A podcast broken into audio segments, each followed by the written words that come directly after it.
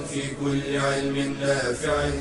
ينمو العلم ويتقدم بتقنياته ومجالاته ومعه نطور أدواتنا في تقديم العلم الشرعي.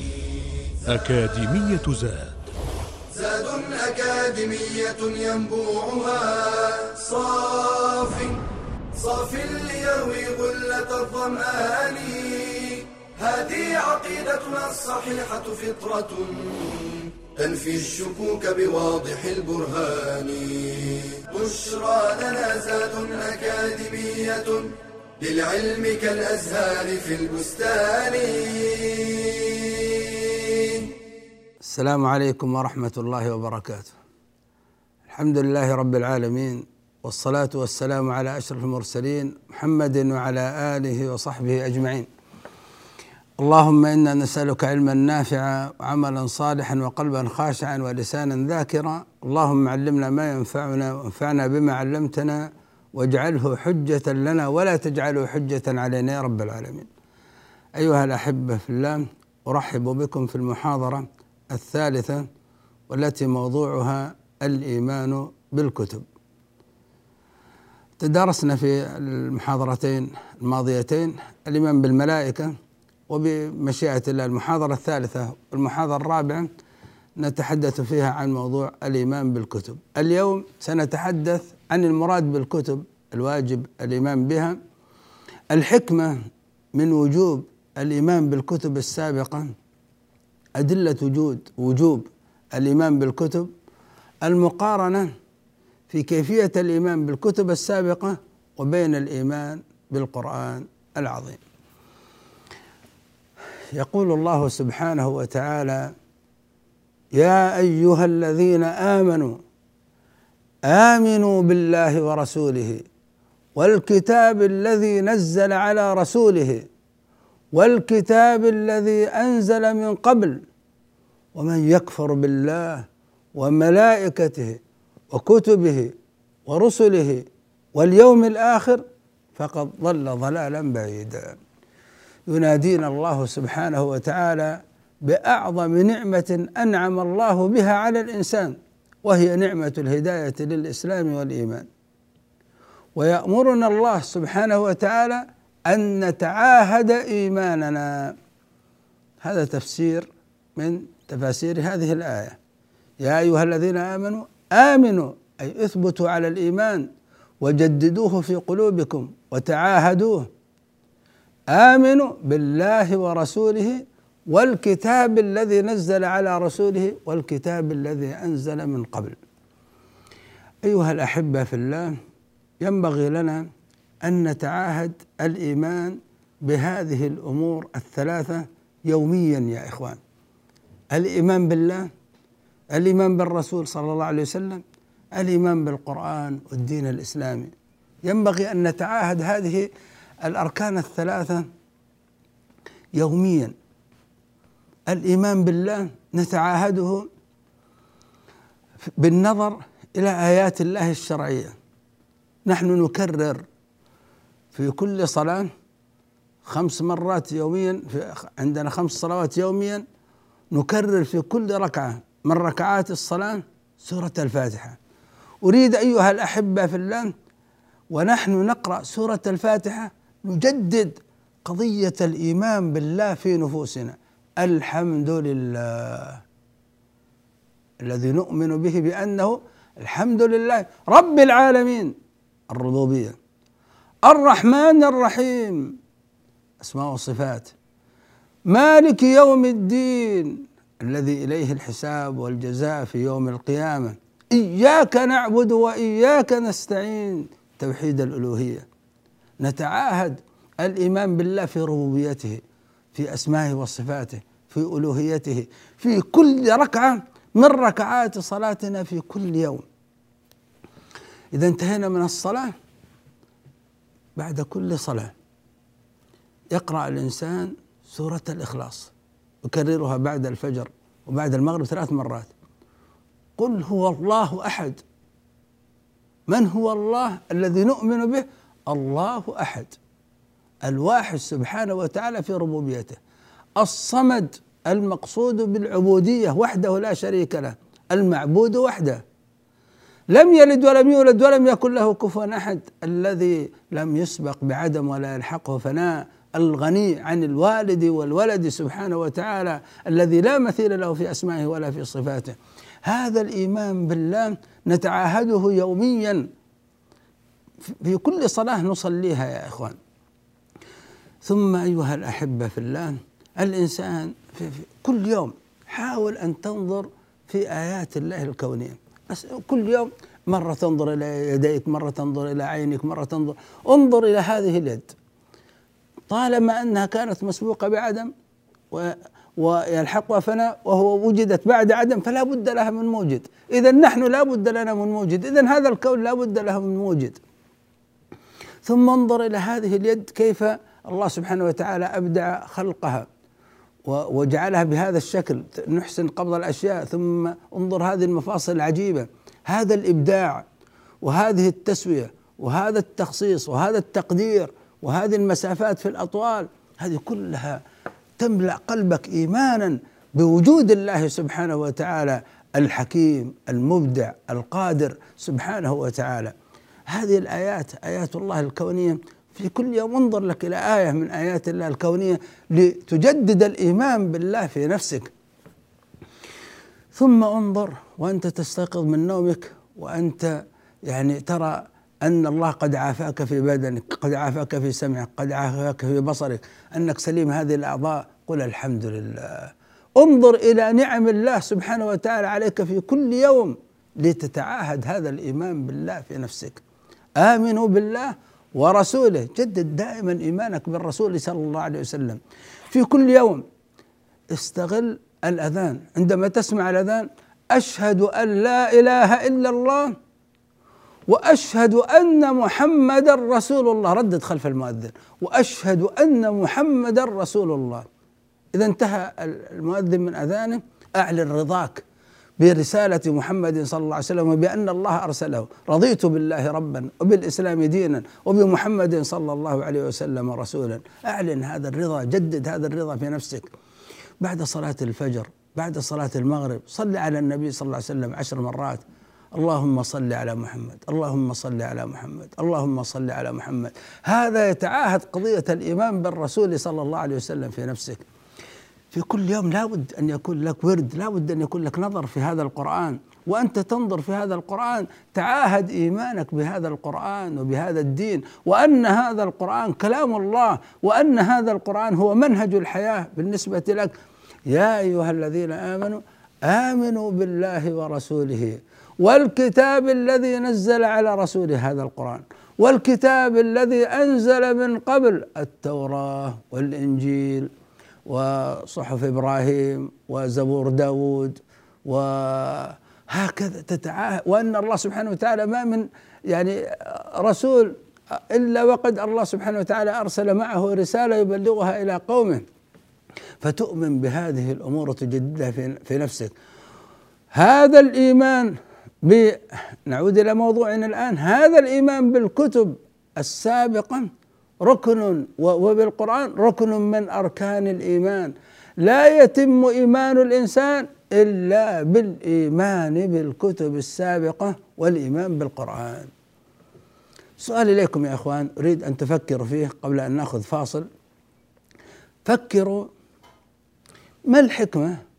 الإيمان بالقرآن واضح لا بد أن نؤمن بالقرآن.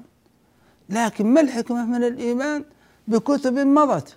بل إن بعض الكتب قد أصابها التحريف وبعض الكتب ما نسمع عنها لكن لا بد أن نؤمن بها إيمانا إجماليا.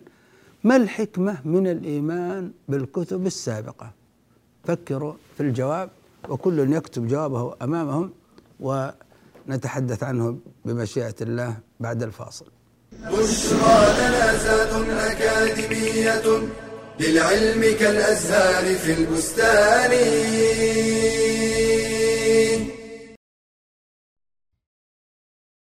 للإيمان أركان لا يتم إلا بها فإذا سقط منها ركن لم يكن الإنسان مؤمنا وهي ستة. الإيمان بالله ويشمل الإيمان بربوبيته أي بأنه الخالق المالك المدبر وبألوهيته فلا معبود بحق إلا الله وكل معبود سواه باطل وبأسمائه وصفاته. فله الأسماء الحسنى والصفات العليا ونؤمن بالملائكة وأنهم مخلوقون من النور وأنهم عابدون لله مطيعون. ومن عنده لا يستكبرون عن عبادته ولا يستحسرون.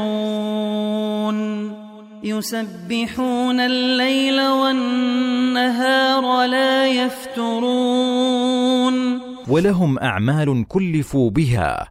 فجبريل موكل بالوحي وميكائيل بالمطر والنبات وإسرافيل بالنفخ في الصور ونؤمن بالكتب. أنزلها الله على رسله حجة على العالمين ومحجة للعاملين. قال تعالى لقد أرسلنا رسلنا بالبينات وأنزلنا معهم الكتاب والميزان ليقوم الناس بالقسط. ومنها التوراة والإنجيل والزبور وصحف إبراهيم وموسى وأعظمها وخاتمها القرآن العظيم. وانزلنا الكتاب بالحق مصدقا لما بين يديه من الكتاب ومهيمنا عليه. ونؤمن باليوم الآخر وهو يوم القيامة. ونؤمن بما فيه من البعث والحشر وصحائف الأعمال والميزان. والحساب والصراط والحوض والشفاعة والجنة والنار. ونؤمن بالقدر خيره وشره. وهو تقدير الله تعالى للكائنات حسب ما سبق به علمه واقتضته حكمته وله أربع مراتب العلم والكتابة والمشيئة والخلق. فثبت إيمانك بالعلم والعمل واحذر من شبهات المشككين. ربنا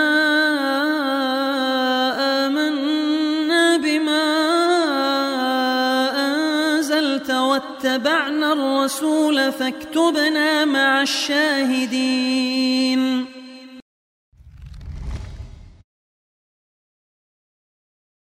بشرى لنا زاد أكاديمية للعلم كالأزهار في البستان. حياكم الله أيها الأحبة.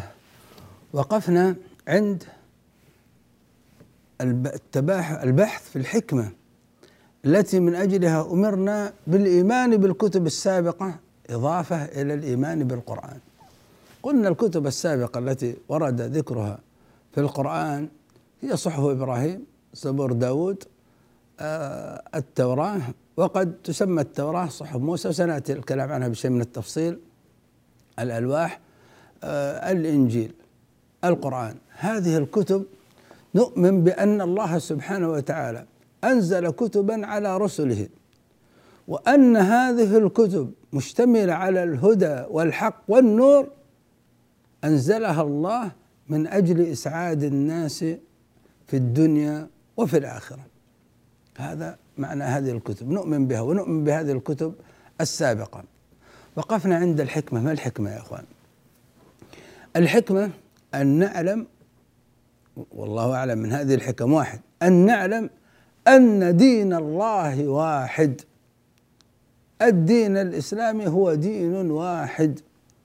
كل نبي جاء يدعو إلى هذا الدين دين الإسلام وهو عبادة الله وحده لا شريك له بما جاء به ذلك الرسول صلى الله عليه وسلم في جميع مناحي الحياة. هذا هو الدين الإسلامي. وكل الأنبياء إنما جاءوا بهذا الدين الإسلامي والخلاف إنما هو في الشريعة في بعض الأمور المتعلقة بالعبادات بعض الأمور ال- التفصيلية المناسبة لذلك الزمن وذلك المكان. وأما أصل الدين فهو دين واحد. فالحكمة من الإيمان بالكتب السابقة أننا نؤمن بأن الدين دين الله سبحانه وتعالى واحد هذه واحدة. الأمر الثاني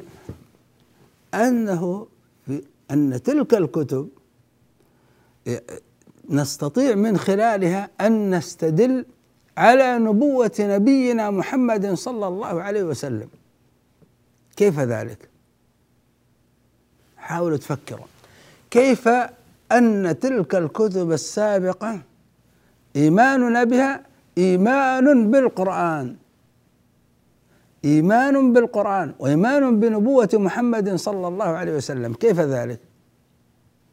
من ثلاث نواحي. الناحية الأولى من ناحية النوع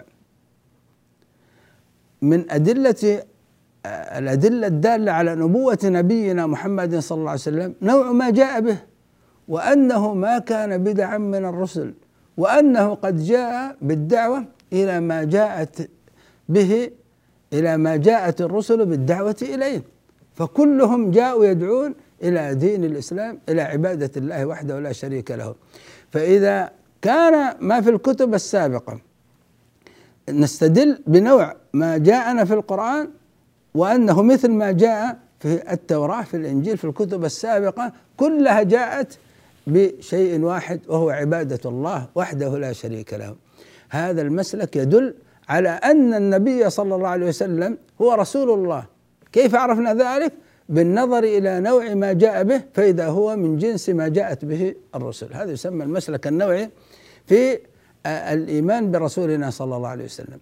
أمر ثاني أنه ورد في تلك الكتب السابقة التبشير بالنبي صلى الله عليه وسلم يبشرون برسالة محمد صلى الله عليه وسلم.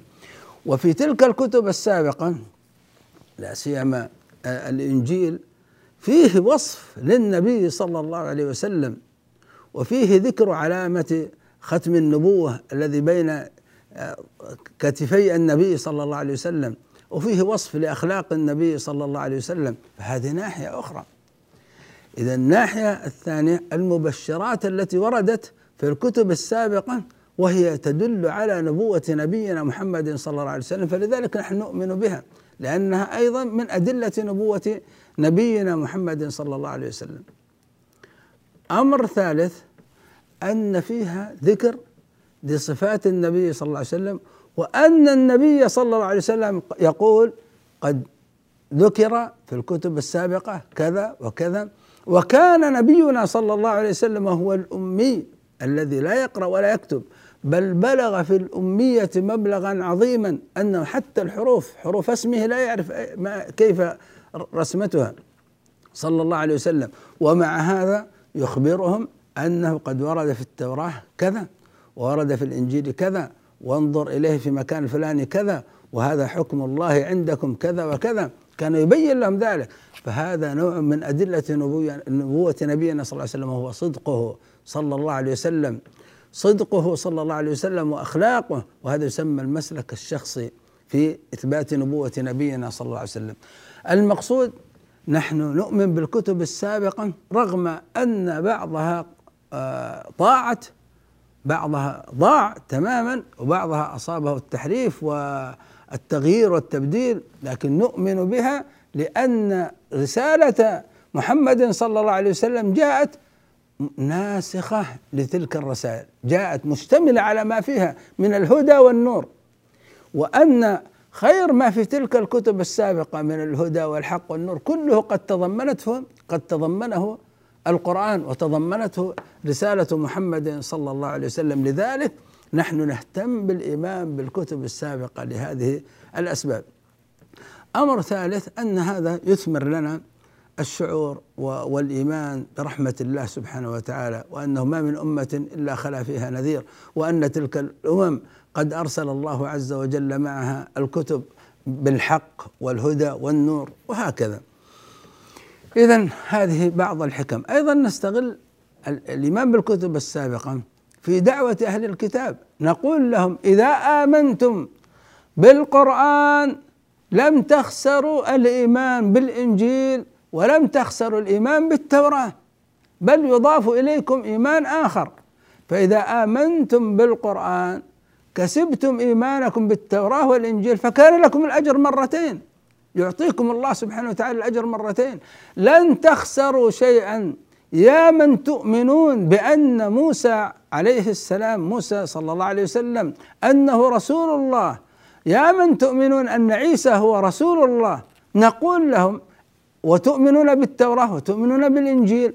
إن إيمانكم بالنبي صلى الله عليه وسلم هو إيمان إضافي. تضيفون إلى إيمانكم بنبينا محمد صلى الله عليه وسلم إيمان بعيسى وإيمان بموسى. إيمانكم بالقرآن لن يخسر لن يجعلكم تخسرون إيمانكم بالتوراة أو إيمانكم بالإنجيل لأن إيمانكم بالقرآن هو إيمان كذلك بالتوراة والإنجيل والزبور وصحف إبراهيم وهكذا.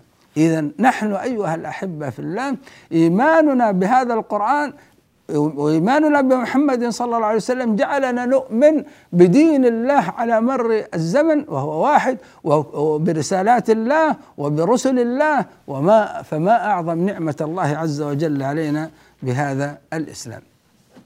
كذلك أيها الأحبة في الله من الأدلة على وجوب الإيمان بالكتب قال الله عز وجل قولوا آمنا بالله وهذا يدل على أن الإيمان بالله لا بد فيه من القول. لا يصلح أن يقول إنسان أنا أؤمن بالله بقلبي نقول يشترط في الإيمان في الإيمان كما يشترط فيه قول القلب. وعمل القلب قول القلب تصديقه وإقراره وعمل القلب هو إخلاصه ومحبته وخوفه ورجاؤه وتوكله. إلى غير ذلك من أعمال القلوب. كذلك يجب أن يكون فيه قول اللسان. فتقول آمنا بالله. لا بد من قول اللسان. ما لم يكن هناك مانع من خرس أو إكراه أو نحو ذلك لكن يشترط في الإيمان الحقيقي قول اللسان. وأن تعمل بمقتضى ما أعلنته. أنك تقول آمنت بالله أن تلتزم بمقتضى ذلك فتترك الشرك وتعبد الله وحده لا شريك له.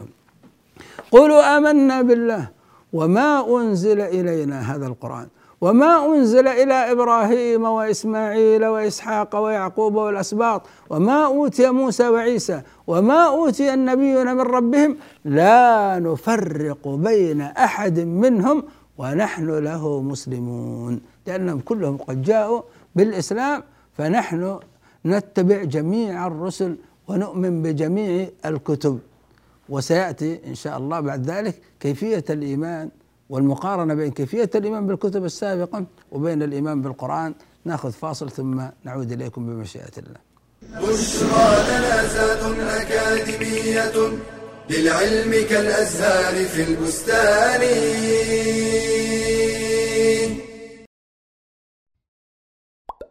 الحلف تعظيم للمحلوف به. لذا لا يجوز إلا بالله وأسمائه وصفاته. وفي الحديث من كان حالفا فليحلف بالله أو ليصمت والحلف بغير الله شرك وهو شرك أكبر. إذا قصد تعظيمه كتعظيم الله وإلا فهو أصغر. ومن حلف على ترك شيء ثم رأى فيه الخير فليفعله وليكفر عن يمينه. قال تعالى ولا تجعلوا الله عرضة لأيمانكم أن تبروا وتتقوا وتصلحوا بين الناس. أي لا تجعلوا أيمانكم مانعة من فعل الخير. ومن حلف بغير قصد فلا كفارة عليه. قال تعالى لا يؤاخذكم الله باللغو في أيمانكم ولكن يؤاخذكم بما عقدتم الأيمان. واليمين على نية الحالف إلا أن يخشى ظالما فله أن يتأول. ومن فعل ما حلف على تركه ناسيا أو مخطئا أو مكرها فلا شيء عليه. والكذب في اليمين من صفات المنافقين وغصب المال به من الكبائر. قال صلى الله عليه وسلم من اقتطع حق امرئ مسلم بيمينه فقد أوجب الله له النار وحرم عليه الجنة والنذر عباده وابتداؤه مكروه والوفاء به واجب. ومن نذر لغير الله كقبر أو ولي فقد أشرك شركا أكبر. ونذر الغضب والمباح يخير بين فعله وبين كفارة اليمين. ونذر المعصية يحرم فعله وتجب الكفارة. ونذر الطاعة المطلق يجب فعله. وكذا المعلق إذا حصل الشرط. فاحرص على الوفاء لتكون ممن قال الله فيهم. يوفون بالنذر ويخافون يوما كان شره مستطيرا.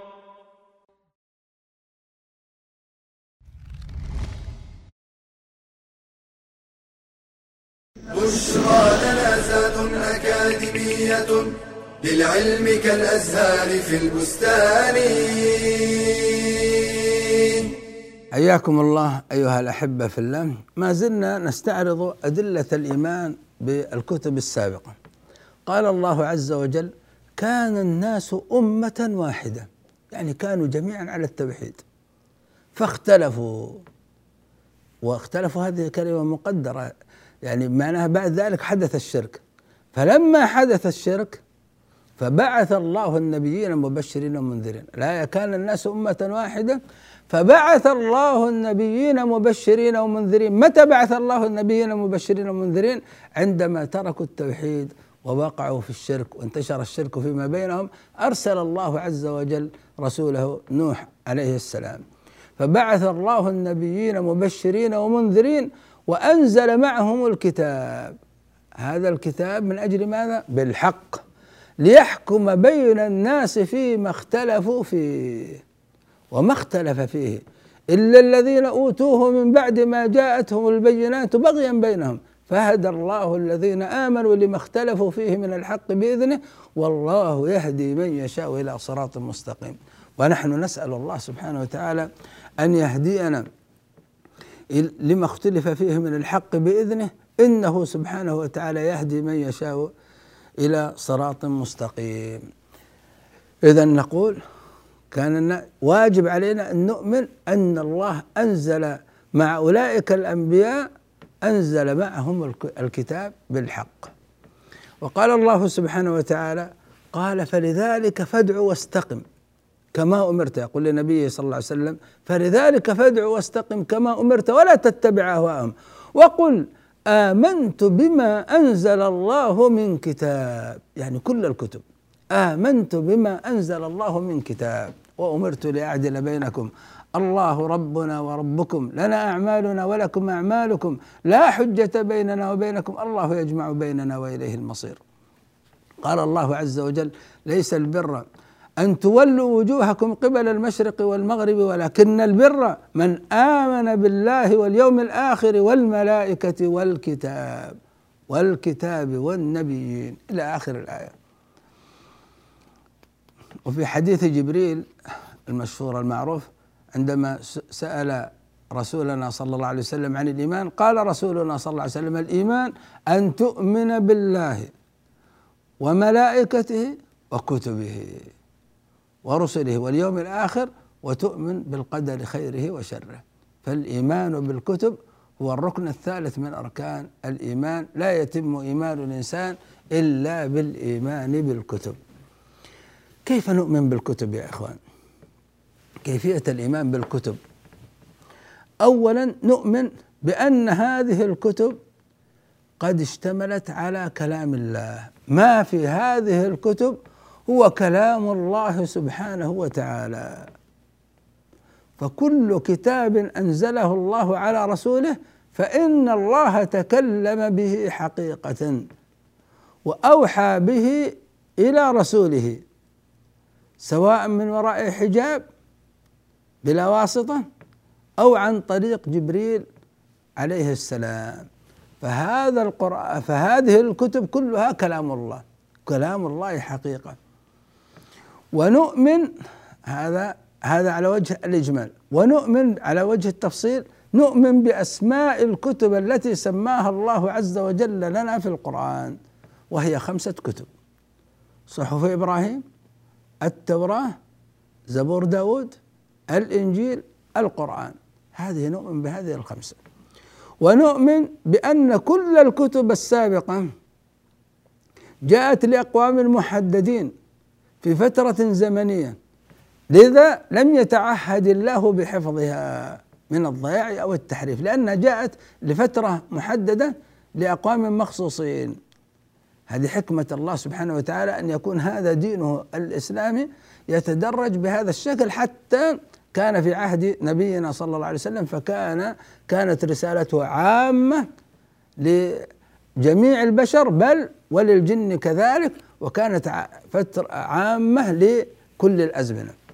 ونؤمن بأن القرآن جاء للناس كافة إلى قيام الساعة. لذلك فقد تضمن خلاصة الشرائع السابقة فجاء ناسخا للكتب السابقة ومهيمنا عليها وقد تكفل الله بحفظه. إنا نحن نزلنا الذكر وإنا له لحافظون. نجري مقارنة سريعة يا إخوان بين إيماننا بالقرآن وبين إيماننا بالكتب السابقة. نحن نؤمن بجميع الكتب ونؤمن بالقرآن. كيفية إيماننا بالقرآن وبالكتب من ناحية الحفظ؟ نؤمن بأن القرآن الذي بين أيدينا الآن نؤمن بأنه هو كلام الله حقيقة. تكلم به سبحانه وتعالى وسمعه منه جبريل عليه السلام وبلغه جبريل إلى نبينا صلى الله عليه وسلم.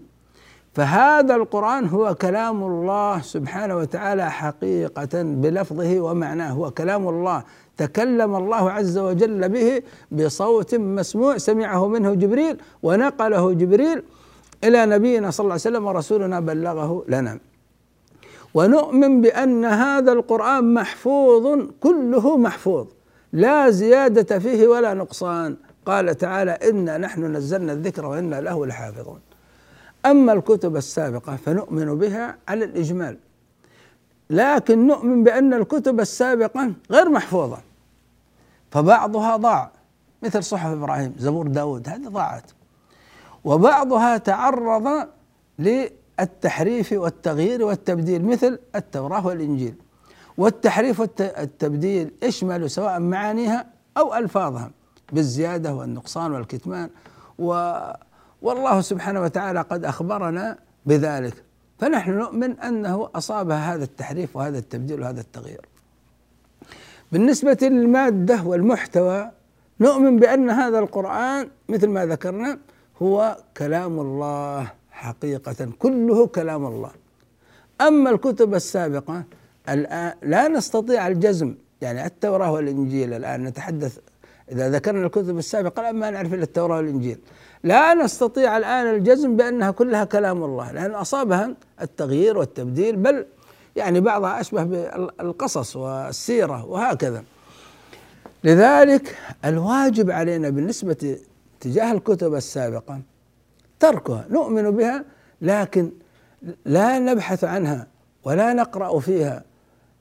لماذا نقرأ فيها؟ نبحث عن آداب فيها، نبحث عن شرائع فيها، نبحث عن عقيدة فيها، ما في. العقيدة والشريعة والآداب التي في التوراة وفي الإنجيل قد تم قد تم نسخها والهيمنة عليها والاتيان بها في القرآن. ما في التوراة وما في الإنجيل من عقيدة وشريعة وآداب العقيدة والآداب هذه اشتمل عليها القرآن. والشريعة جاء الإسلام بشريعة ناسخة لتلك الشرائع وإن كان في أشياء كثيرة هي متفق بينهم اتفاق لكن كيفية أداء الصلاة كيفية أداء الصيام هذه الأمور جاءنا بها محمد صلى الله عليه وسلم. لذلك لسنا بحاجة إليها البتة لسنا بحاجة للتوراة والإنجيل حتى لو لم تصب حتى لو بعض النصوص تأكدنا أن ما أصابها التحريف والتغيير والتبديل فقد جاء القرآن بها. هناك يا إخوان يعني بعض الدارسين للتوراة والإنجيل أثبتوا يعني أن هناك بعض النصوص ما زالت جاء القرآن مصدقا لها وما زالت كما هي. فمثل هذه النصوص ما ما نحتاجها. لماذا؟ كيف عرفنا أنها صحيحة؟ لأن القرآن قد صدقها وجاء بها. إذا نحن نأخذ بما في القرآن. من ناحية وجوب العمل واجب علينا بالنسبة للقرآن واجب علينا اعتقاد أخباره نفيا أو إثباتا وواجب علينا امتثال طلبه فعلا أو تركا واتخاذه منهاجا للحياة. أما الكتب السابقة فنحن نعتقد أنه نسخ العمل بما فيها بدين الإسلام وبالقرآن فما نعمل إلا بما جاء في القرآن. هذا هو الواجب علينا واتجاه آه، أو هذا الفرق بين كيفية الإيمان بالكتب السابقة وبين كيفية الإيمان بالقرآن. نكتفي بهذا القدر في هذه الحلقة وإن شاء الله في المحاضرة الرابعة نستكمل الكلام عن آه، عقيدتنا في القرآن بمشيئة الله. إلى هذا الحد وأسأل الله سبحانه وتعالى أن أن يرزقنا العلم النافع والعمل الصالح وصلى الله وسلم وبارك على عبده ورسوله محمد وجزاكم الله خيرا. يا راغبا في كل علم نافع متطلعا لزيادة الإيمان وتريد سهلا النوال ميسرا يأتيك ميسورا بأي مكان. زاد زاد أكاديمية ينبوعها. صاف صاف ليروي غلة الظمآن. هذه عقيدتنا الصحيحة فطرة تنفي الشكوك بواضح البرهان. بشرى لنا زاد أكاديمية للعلم كالأزهار في البستان.